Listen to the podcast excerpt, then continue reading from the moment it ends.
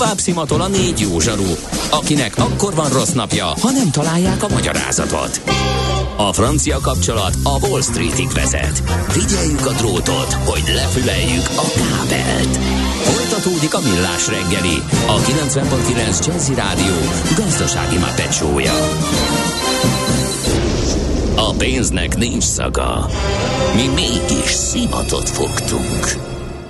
A Millás reggeli főtámogatója a Superautomobil KFT, a Toyota Schiller Újpesten. A Toyota Schiller a Schiller Autó család tagja. Schiller Autó család. Autók szeretettel. Valamint a Surgeon ZRT, az önműködő kis- és középvállalatok cégépítő partnere. Surgeon ZRT, az üzleti vállalati tanácsadó. Jó reggelt kívánunk mindenkinek, ez továbbra is a Millás reggel itt a 90.9 Jazzy Rádióban Mihálovics Andrással. És Kántor Endrével jó reggelt kívánok én is az egybegyűlteknek 0 30. 30 20 10 9 0 9 SMS WhatsApp és Viber számunk is kisé idegesítő volt a gitárnyúzás pedig annó metálos voltam ez a Ford, Ford. Ferrari számra írta a hallgató felélénkült a pólóimról történő eszmecsere de ezeket nem olvasom be illetve amikor a jégkrémek kiszerelésével foglalkoztunk arról, meg azt írták többen is Hofi Géza mondását, hogy nem a zsemle a pici, a pofátok nagy. Köszönjük szépen, akkor biztos ez áll a háttérben. De meg fogjuk ezt vizsgálni most alaposabban. De megám. Tudod, mi az üsző? Még sosem forgatta a látszatolót? Fogalmat sincs, milyen magas a dránka? Mihálovics gazda segít? Mihálovics gazda, a millás reggeli mezőgazdasági és élelmiszeripari magazinja azoknak, akik tudni szeretnék, hogy kerül a tönköly az asztalra. Mert a tehén nem szálmazsák, hogy megtömjük, ugye?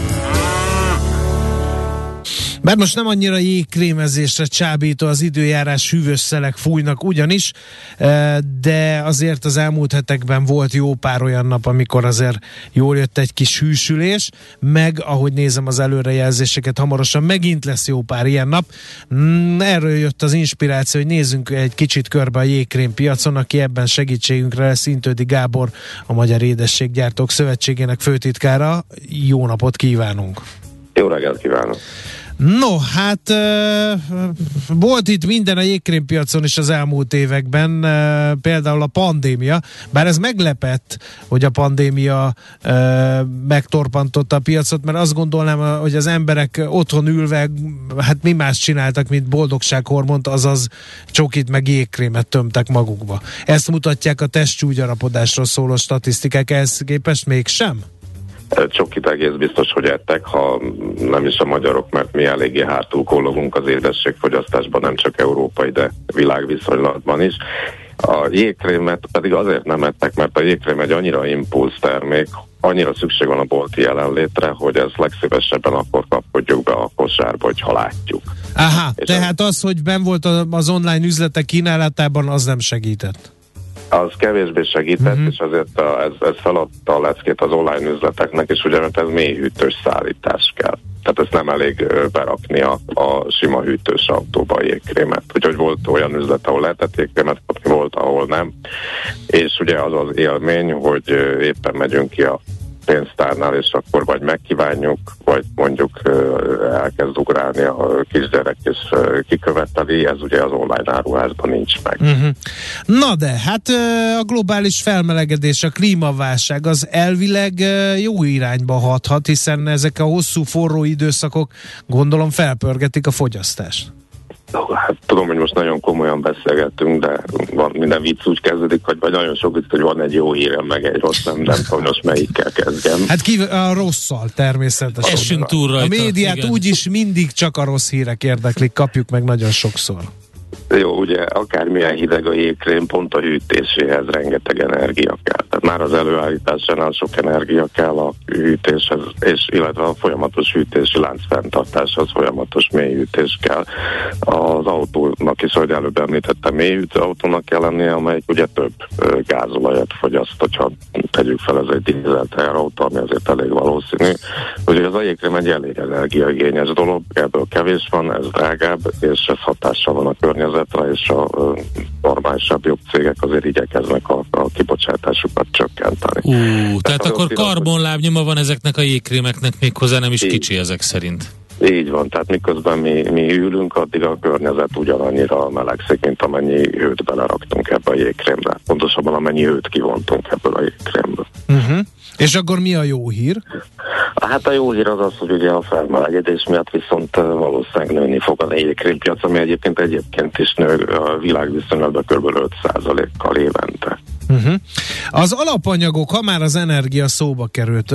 Múlt héten beszéltünk egy cukrásszal, aki 400 ezer forintos vanília árakat jósod, mert nem is emlékszem, hogy azt hiszem kilónként, tehát hogy ez valami brutálisan nagy, és hát én azt olvasom, hogy a jégkrémeknél pont ez az íz a, a, a legkedveltebb. Igen, a világviszonylatban a vanília a legkedveltebb, így Magyarországon pedig a csokoládé. Na, miért a... pont ebbe simulnánk bele a világtrendekbe? Uh, igen. Szó, de a csokoládéről is uh, rossz híreket hallani. Élelmiszer áldráguláson ez érint mindent. Gyakorlatilag uh, ugye egészen elképesztő számokat lehet olvasni élelmiszeripari alapanyagokról. Igen, ezzel is, ezzel kapcsolatban van egy jó meg a szélen, ismét kezdem. ez már egy ilyen beszélgetés, igen. Kezdem most akkor a jó. Mire az emberek hazaérnek a nyaralásból, és mire észrevennék a nagyon drasztikus, és azt majd mindjárt elmondom a rossz hírek között, észrevennék a nagyon drasztikus jégkrém drágulást, ugye addigra vége lesz a szezonnak. Tehát a mhm. jégkrém szezon az májustól októberig tart. Na most a jégkrém esetében az alapanyag drágulás az valami egészen brutális.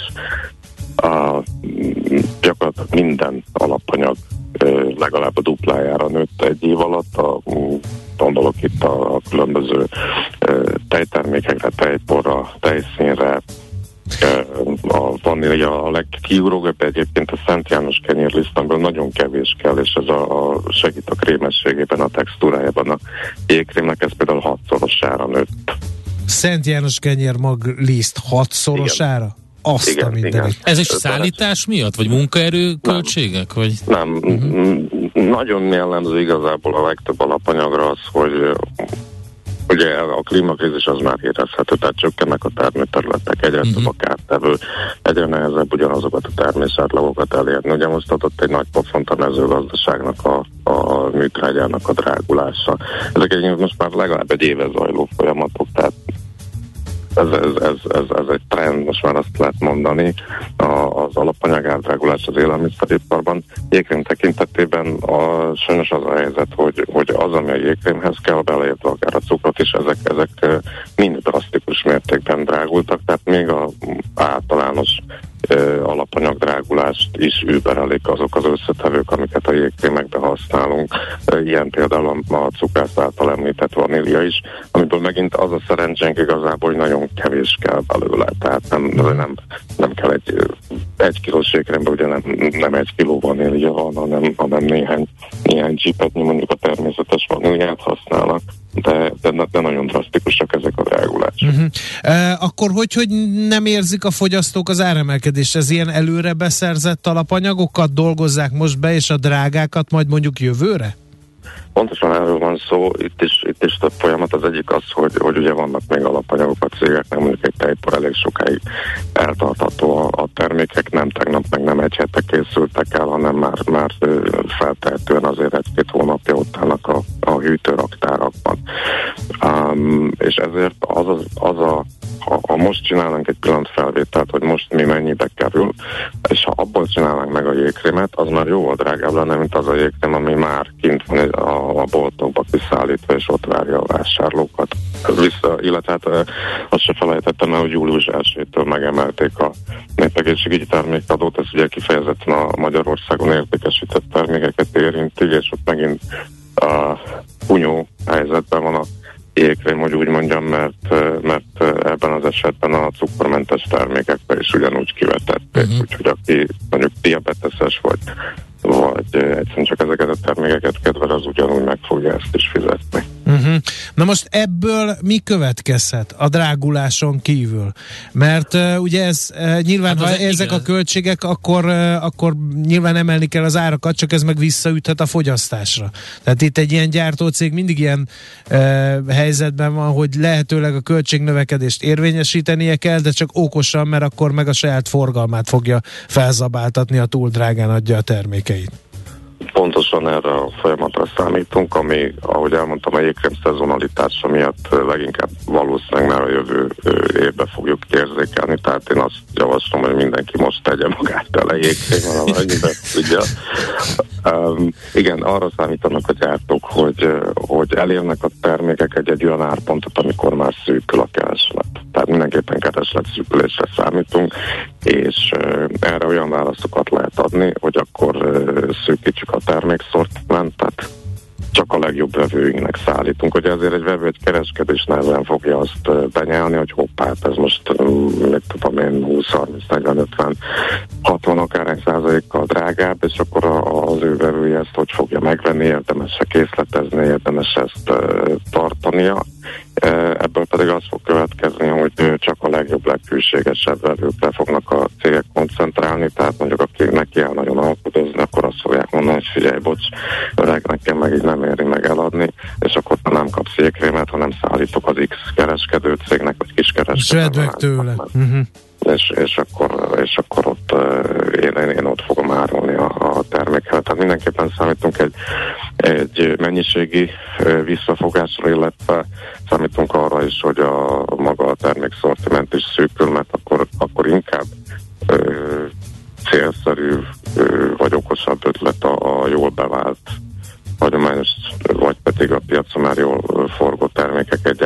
tehát nem most a, igazából a nagyon nagy kísérletezés ideje a, az új, meg soha nem ízlelt ízekkel, vagy, vagy egészen különleges kiszerelésekkel, mert ugye ezek, ezeknek is ára van ezeket kifejleszteni és, és piacra dobni. Azt nem mondom, hogy nem lesz innováció, vagy nem lesz termékfejlesztés, de, termékfejlesztés, de, de a hangsúly kisebb lesz rajta. Uh-huh.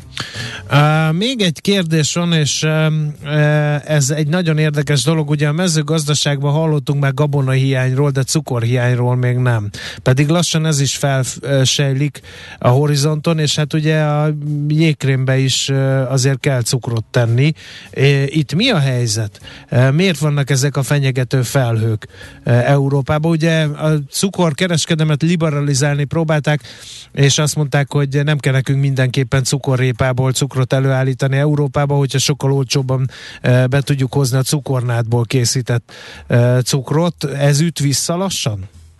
Ez is visszaüt, ez egyébként nem, hogy mondjam, ezt nem itt találták ki okos emberek, hanem azért volt egy pár kezdeményező állam, köztük Brazília és Ausztrália, aki nagyon protektív volt az európai cukorpiac, de gyakorlatilag külföldről nem lehetett cukrot eladni, és a a nagy cukorgyártó országok addig bízgették a, a VTO-t, hogy, hogy konzultációk kezdődtek. Ez egy régi történet, a sajnos fejből azt hiszem, ha jól emlékszem, ilyen 2004-2007 körül kezdődött. Igen, igen, igen. Szabályozása igen. az európai cukorpiacon pont ezért. Hát ezért tűntek el Magyarországról a cukorgyárak szép lassan, maradt egyetlen Pontosan. egy Kaposváron a legkorszerűbb, igen.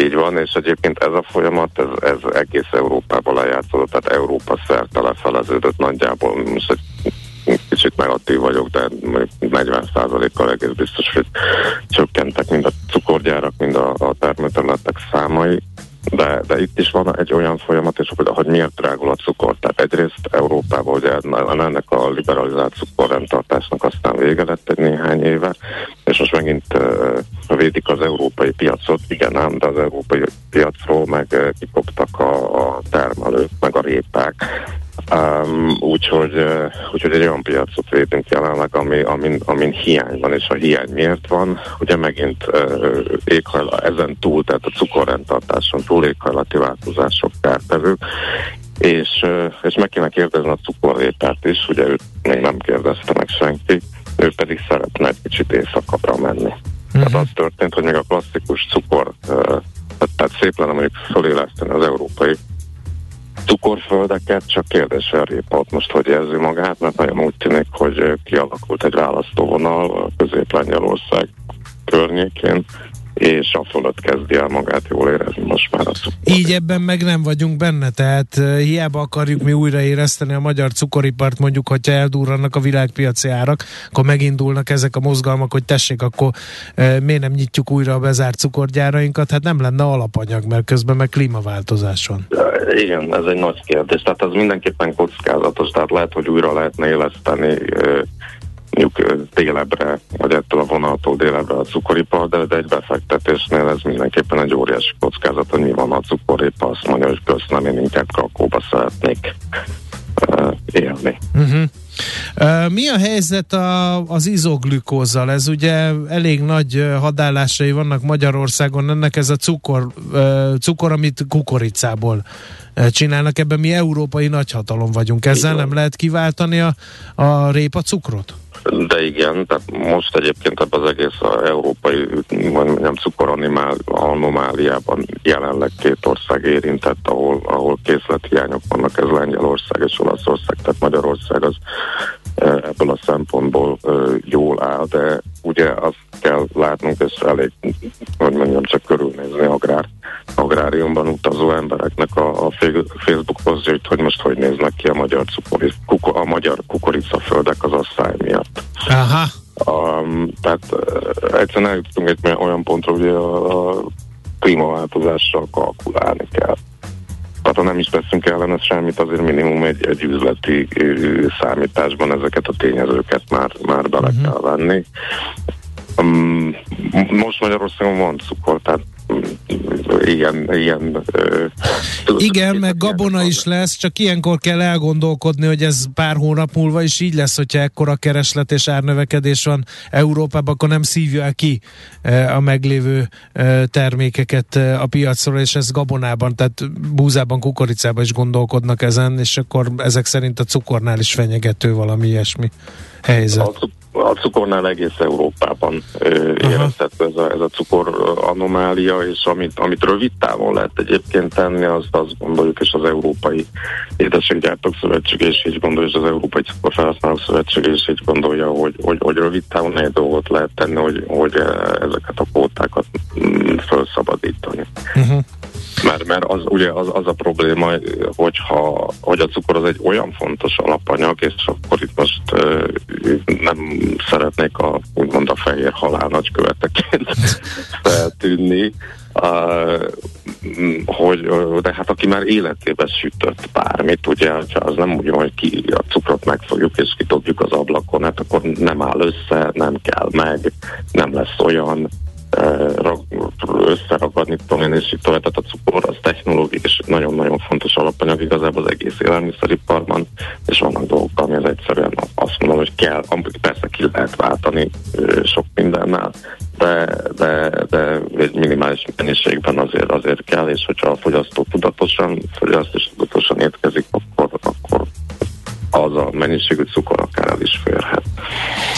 Oké, okay. Eh, hát valami jó uh, hírrel kéne uh, zárni ezt a beszélgetést, mert szerintem nagyon ráijesztettünk az édes szájú hallgatókra mindenképpen meg a sütni szeretőkre.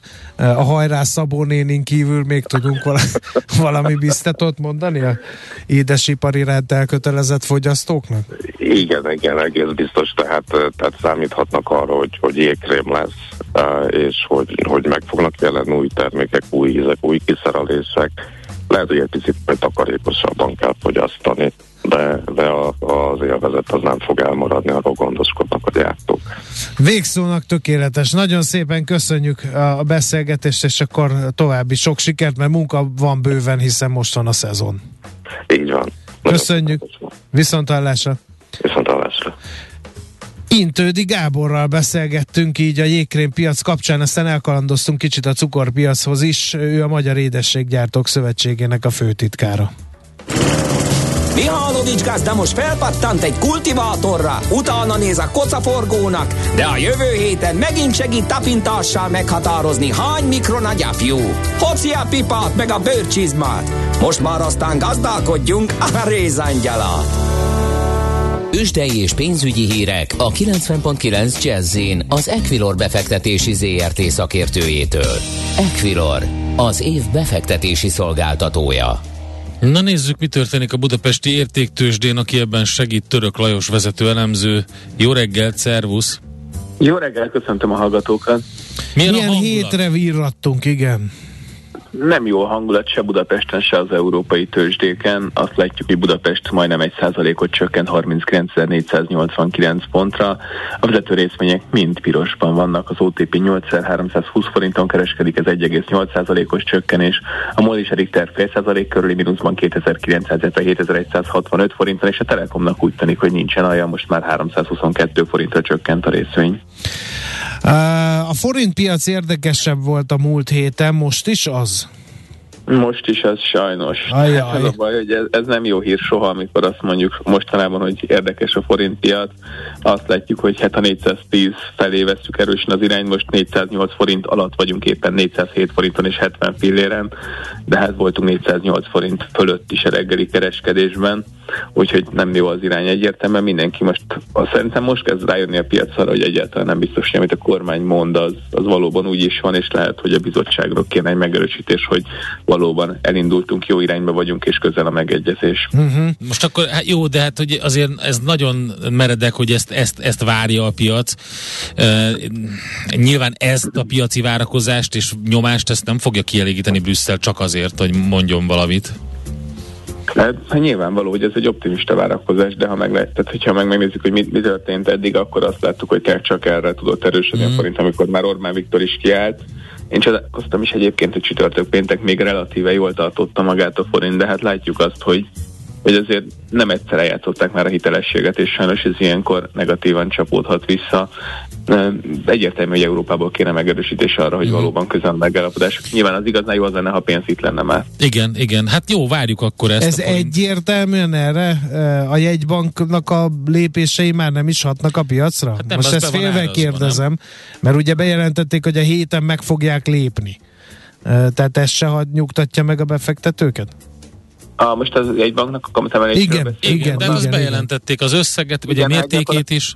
Igen, hát azt már gyakorlatilag azért láttuk is csütörtökre. Szerintem csütörtöki nap ilyen szempontból tökéletes lakmuszpapír volt. Tehát reggel jött egy váratlan kamatemelés, ugye mi történt? Semmi. Konkrétan ugyanúgy gyengült tovább a forint, ugye most egy hetes betéti tenderre beszélek, és akkor utána a kormányinfont, illetve Orbán Viktor kiállásával tudtuk e, valamilyen uh-huh. szinten e, rendbe rakni.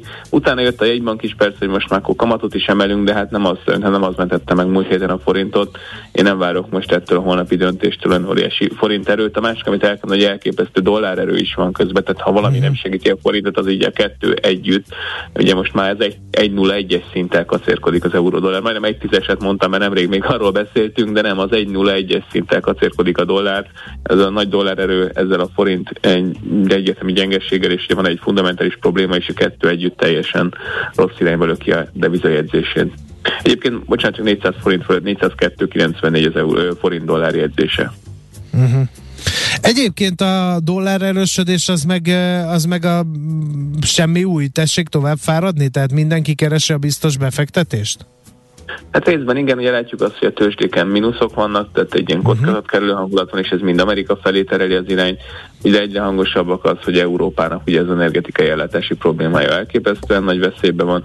Ugye most már Siemens kapott külön, külön kedvezményt kapott a Siemens az embargók való felmentés, hogy nehogy erre fogják az oroszok, hogy nem jön a gáz, ugye turbinákat szállíthatnak az Oroszország felé. Tehát látszik azt, hogy az Európának ez az embargós politikája, ez, ez már most kezd el visszafelé sülni, és akkor még hol van a tél. Uh-huh. Hát, úgyhogy nincsenek jó híreim, igen. Nincs, úgyhogy 403 lesz az a dollár most már, egész érdekes, uh, igen. Most látom a... Igen, ahogy beszélünk, sajnos egyre rosszabb számokat. Jó, gyorsan köszönjünk el akkor, oké? Okay? Jó. Nehogy még rosszabb legyen. Köszi, szép szia. napot, hello, köszi, kitartást. Török Lajos vezető elemző volt segítségünkre a forint piacot és a, a tőzsdei um, alakulást néztük meg. Tőzsdei és pénzügyi híreket hallottak a 90.9 jazz az Equilor befektetési ZRT szakértőjétől. Equilor, az év befektetési szolgáltatója. Volt már olyan érzésed, hogy megtaláltad a választ? Aha, aha, aha. Heuréka élmény, jövőkutatás a millás reggeliben, csak jövő időben beszélünk. Hát én nem tudom hányan tudták azt, hogy van egy olyan dolog, hogy Kármán Tódor szélcsatorna laboratórium. András? Én, amikor ezt az műsor elemet szerkesztettem, akkor szembesültem ezzel. Viszont És már régóta tök régóta, van. bizony. Igen, úgyhogy szerintem akik oda jártak a Budapesti Műszaki Egyetemre, ők tudták, hogy 1938-ban e, létesült ez, de minden esetre ebben található Magyarország legnagyobb kutatási célú szélcsatornája. És hát ez élvonalbéli szintre fejlesztették úgy, hogy különböző például atmoszférikus áramlások vizsgálatára is alkalmas legyen. Na de, hogy az egész hogy működik, arról fogunk beszélgetni a Budapesti Műszaki és Gazdaságtudományi Egyetem gépészmérnöki karának áramlástan tanszékének adjunktusájával, laborvezetőjével, dr. Balcó Mártonnal. Jó reggelt kívánunk! Jó reggelt kívánok, üdvözlöm Önöket! Na. Hát először is, hogy néz ki egy szélcsatorna, hogy aki még nem látta ezt, ezt hogy, hogy képzelje el? Van egy baromi nagy repülőgépmotor, ami fújja ezt a szelet, és van egy zárt rész, ahol meg ezeket a méréseket el lehet végezni? Vagy mit pillantunk meg, amikor belépünk a Kármán Tódor szélcsatorna laboratóriumba? Igen, pontosan ahogy, ahogy mondja, no. hát van egy, van egy három, körülbelül három méter átmérő cső, amin keresztül érkezik nagysebességű levegő, és ezt a levegőt valóban egy hát repülőgép motorra hasonlító ventilátor ö, hajtja meg, és ennek a csőnek a, a keresztmetszetébe helyezhetünk el olyan dolgokat, modelleket, vagy akár egy az egyes léptékű valódi ö, tárgyakat, amiket ö, amikre rájuk ható szélerőnek a nagyságát, vagy szélhatását összefoglalóan tudjuk vizsgálni. Hmm. Ez baromi nagy hanghatással is jár, meg, meg itt e, ez olyan erősségű szelet tud produkálni ez a masina, amiben mondjuk nem tud megállni a lábán egy ember, csak hogy el tudjuk képzelni ennek az erejét, meg a működését. Pontosan, a maximális szélsebességünk az olyan 180-200 km per óra, ebbe ember már nem tud megállni, uh-huh. és van olyan teszt, amikor ö, el kell mennünk a, a határokig, hogy mit bír ki mondjuk egy tegyük föl egyszerűen egy utcai lámpa, lámpatest, amit az oszlop, villanyoszlop tetején látunk, mit bír ki. De vannak olyan tesztjénk is, ahol kisebb szélsebesség is elegendő, például előfordul, hogy épületekre ható szélerőt ö, kell meghatároznunk, uh-huh. ezeket a testeket kisebb sebességnél is elvégezhetjük, hiszen majd a tervezési sebességre át lehet skálázni a mérési eredményeinket a modellről, a valós épületre. Uh-huh. Miket vizsgálnak egy ilyen szélcsatornába? Az átlagember azt gondol egy autókat, hogy minél kisebb legyen a légellenállása, és plusz. Hát azért gondolja, mert szerintem ezt látja a tévében. Igen, ez volt a Deltában annak idején gyerekkorunkban. Pontosan, és igazából ezt a szélcsatornát eredetileg repülőgépeknek a fejlesztésére építették, uh-huh. de járműveket is, például 80-as években Icarus buszoknak az áramlási fejlesztésére használták, de amire ma manapság leginkább használjuk, az az építőipar számára ö, hasznos igazán, hogy egyedi alakú épületek, ö, hidak, ö, szélreérzékeny szerkezetek esetén meg tudjuk határozni azt, hogy mekkora szélerő hat az, egy, az egész épületre, vagy annak egyes komponenseire. Uh-huh. Hogy lehetett ezt fejleszteni? Mert ugye mi megdöbbentünk ezen, hogy 1938-ban létesült ez a szélcsatorna laboratórium, és most, lett, most fejlesztette a Budapesti Műszaki és Gazdaságtudományi Egyetem. Mi minden változott? Meg tudtuk növelni a szélcsatornának a maximális sebességét egy olyan 10%-kal, Bizonyos esetekben erre valóban szükség is van, hogy, hogy a maximumot elérjük, de ami igazán fontos volt, hogy a, a szélcsatornának a műszerezettségét tudtuk korszerűsíteni, de maga a szélcsatorna, ami ugye mondtam három méter átmérő sugárban tud uh-huh. előállítani egy tetszőleges sebességű levegősugarat, az tökéletesen működik. 1938 óta volt némi villamos felújítása, de ami igazán többletet hozzáad, az a korszerű méréstechnika, föl tudjuk térképezni az áramlást egy járműmodell vagy egy épületmodell körül olyan korszerű lézeroptikai módszerekkel, amivel gyakorlatilag mintha lefényképeznénk az áramlást, vagy levideóznánk az áramlást, láthatóvá tudjuk tenni, és ezt aztán később uh, számítógépes kiértékeléssel nagyon részletesen ki tudjuk elemezni. Uh-huh. Milyen, a,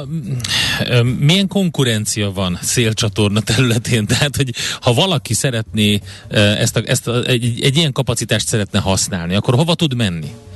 Magyarországon kívül, vagy akár Magyarországon belül is?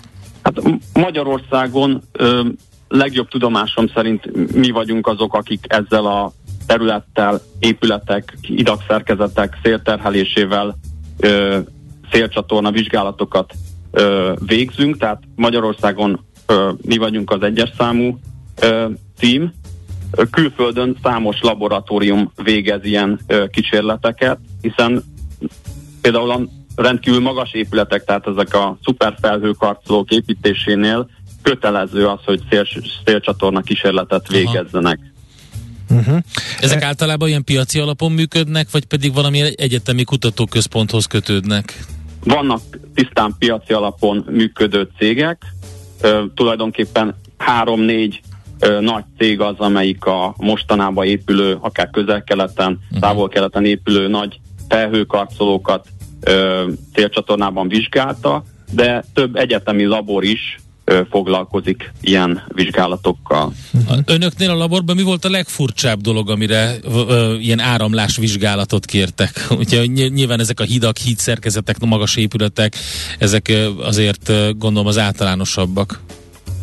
Igen, de hogy egy közelmúltbeli példát említsek, a MÁV számára felső vezetéktartó oszlopokat vizsgáltunk most, kicsinyített modellben néhány évvel ezelőtt, ugyanis igaz a felső vezetéktartó oszlop az áll, de arra is hat szélerő, és hogy minél uh, olcsóbban lehessen egyetlen egy oszlopot legyártani, ahhoz kellett tudni a pontos légellenállását, hiszen ha kiszámoljuk, hogy egy 50 kilométeres vasúti szakaszon hány oszlop van, akkor ebből komoly megtakarítás uh, uh-huh. keletkezik. Uh, hát nyilván azért a, a MÁV az nem tudta leszállítani ezeket az oszlopokat, nem is férnenek be a műhelybe. Ezt hogy kell elképzelni? Tehát, hogy én valamit szeretnék megvizsgálni a szélcsatornába, akkor önök gyártják le a modelljét ennek, a méret arányos modelljét? Vagy, vagy hogy működik ez a gyakorlatban? Pontosan egy méretarányos modellt kell készíteni, és ebben a projektben a modellkészítő kapacitásunkat is javítani tudtuk, például ilyen háromdimenziós, 3D nyomtatók beszerzésével, lézervágógépek beszerzésével, hogy azt az egy a 10, egy az 50-es, egy a 100-as modellt el tudjuk készíteni. Uh-huh. E, mennyire e, kihasznált ez a szélcsatorna laboratórium. Tehát itt hogy, hogy egyensúlyoznak a kutatás és a piaci megrendelések között, mert gondolom mind a két terület fontos. Sőt, kiegészítem egyel az oktatással, tehát oktatás, kutatás és piaci megrendelések ö, nek a, az egyensúlyára kell tölekednünk, de évente jó pár projektünk van, ami ipari megrendelésre történik. Ezek van, amelyik ö, rövidebb, egy-két napig van, foglalja a szélcsatornát, vagy egy hétig foglalja a szélcsatornát. Van ilyen, hogy egy cég az általa fejlesztett terméket ki akarja próbálni szélbe, meg akarja nézni, hogy mondjuk egy vihar, viharos erejű szél hogy hat rá, akkor ők ki is bérelhetik a szélcsatornát. És uh-huh. vannak olyan projektjeink, amik több hetes, akár hónapig elhúzódnak, ekkor elkészítjük ennek a modelljét, aztán szélcsatornába tesszük, és ö, ö, elkészítjük a, a kutatási jelentésünket, illetve átadjuk azokat a mérési adatokat, amivel aztán a cégnek a mondjuk a statikusai ö, tudnak tovább dolgozni a tervezés során. Uh-huh. Tehát törekszünk arra, hogy egy ilyen kutatási háttérinfrastruktúrája legyünk a magyar építőiparnak. Ehhez most adott az infrastruktúra is, de azt is meg kell említenem, hogy, hogy nagyon fontos, hogy itt az építő mérnöki kar és az építész mérnöki karnak a, a know-how-jára is ö, ö, vissza tudunk nyúlni, tehát például hidak ö, vizsgálata esetén a BME hidak és szerkezetek tanszékének a ö, csapatával működünk együtt, tehát egy ilyen egyetemen belüli együttműködés is ö, van ezen a ezekben a szélcsatorna vizsgálatokban. Korábban említette, hogy néha el kell menni extrém ö, ö, szituációkat, vagy egy extrém magas ö, ö, szél ö, szimulációra. Ez, ez hogy működik? Mi, mi a kapacitása a gépnek? Tehát mi, mi az, ami a, a legnagyobb ö, erejű szél, amit tud Hát egy ilyen 180 km per óra, tehát ilyen 50 méter, 50-55 méter per szekundumig föl tudunk menni, és hát e, ilyenkor már olyan hangos a szélcsatorna, hogy csak, csak fülvédővel lehet a közelbe lenni, és, és, és beállni a szélbe pedig lehetetlen. Ezt akkor a szerkezetet, amit vizsgálunk, azt is úgy kell berögzítenünk, hogy azért ne vigye el a szél, valami legyen egy védőháló, ami ezt fölfogja, hogyha elszállna, hogy ne károsítjuk magát a szélcsatornát. Volt olyan, amikor valaki e, rosszul tervezett meg valamit, és a szélcsatornába derült ki, hogy ebből baj lehetett volna, ha ez úgy megvalósul?